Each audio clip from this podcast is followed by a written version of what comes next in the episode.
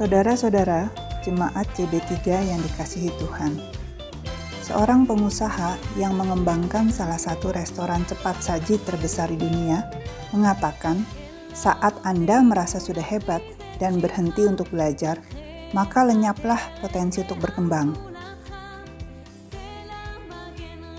Dalam 1 Timotius 4 ayat 13, Paulus menulis kepada Timotius, Sementara itu, sampai aku datang, bertekunlah dalam membaca kitab-kitab suci, dalam membangun dan dalam mengajar. Itu adalah cara yang luar biasa untuk belajar, yaitu bukan hanya demi diri sendiri, melainkan berguna dalam membangun orang lain.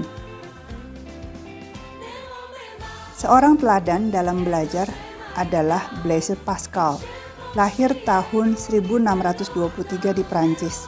Pascal tidak menempuh pendidikan secara formal, melainkan ayahnya lah yang mendidiknya secara klasikal dan sangat menekankan bahasa Latin dan Yunani.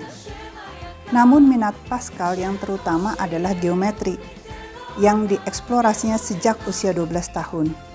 Selain karya-karyanya dalam bidang matematika, fisika, dan teologi, Pascal menemukan prinsip kerja barometer, sistem kerja alogi, hingga ikut terlibat dalam pembuatan sistem transportasi bawah tanah kota Paris.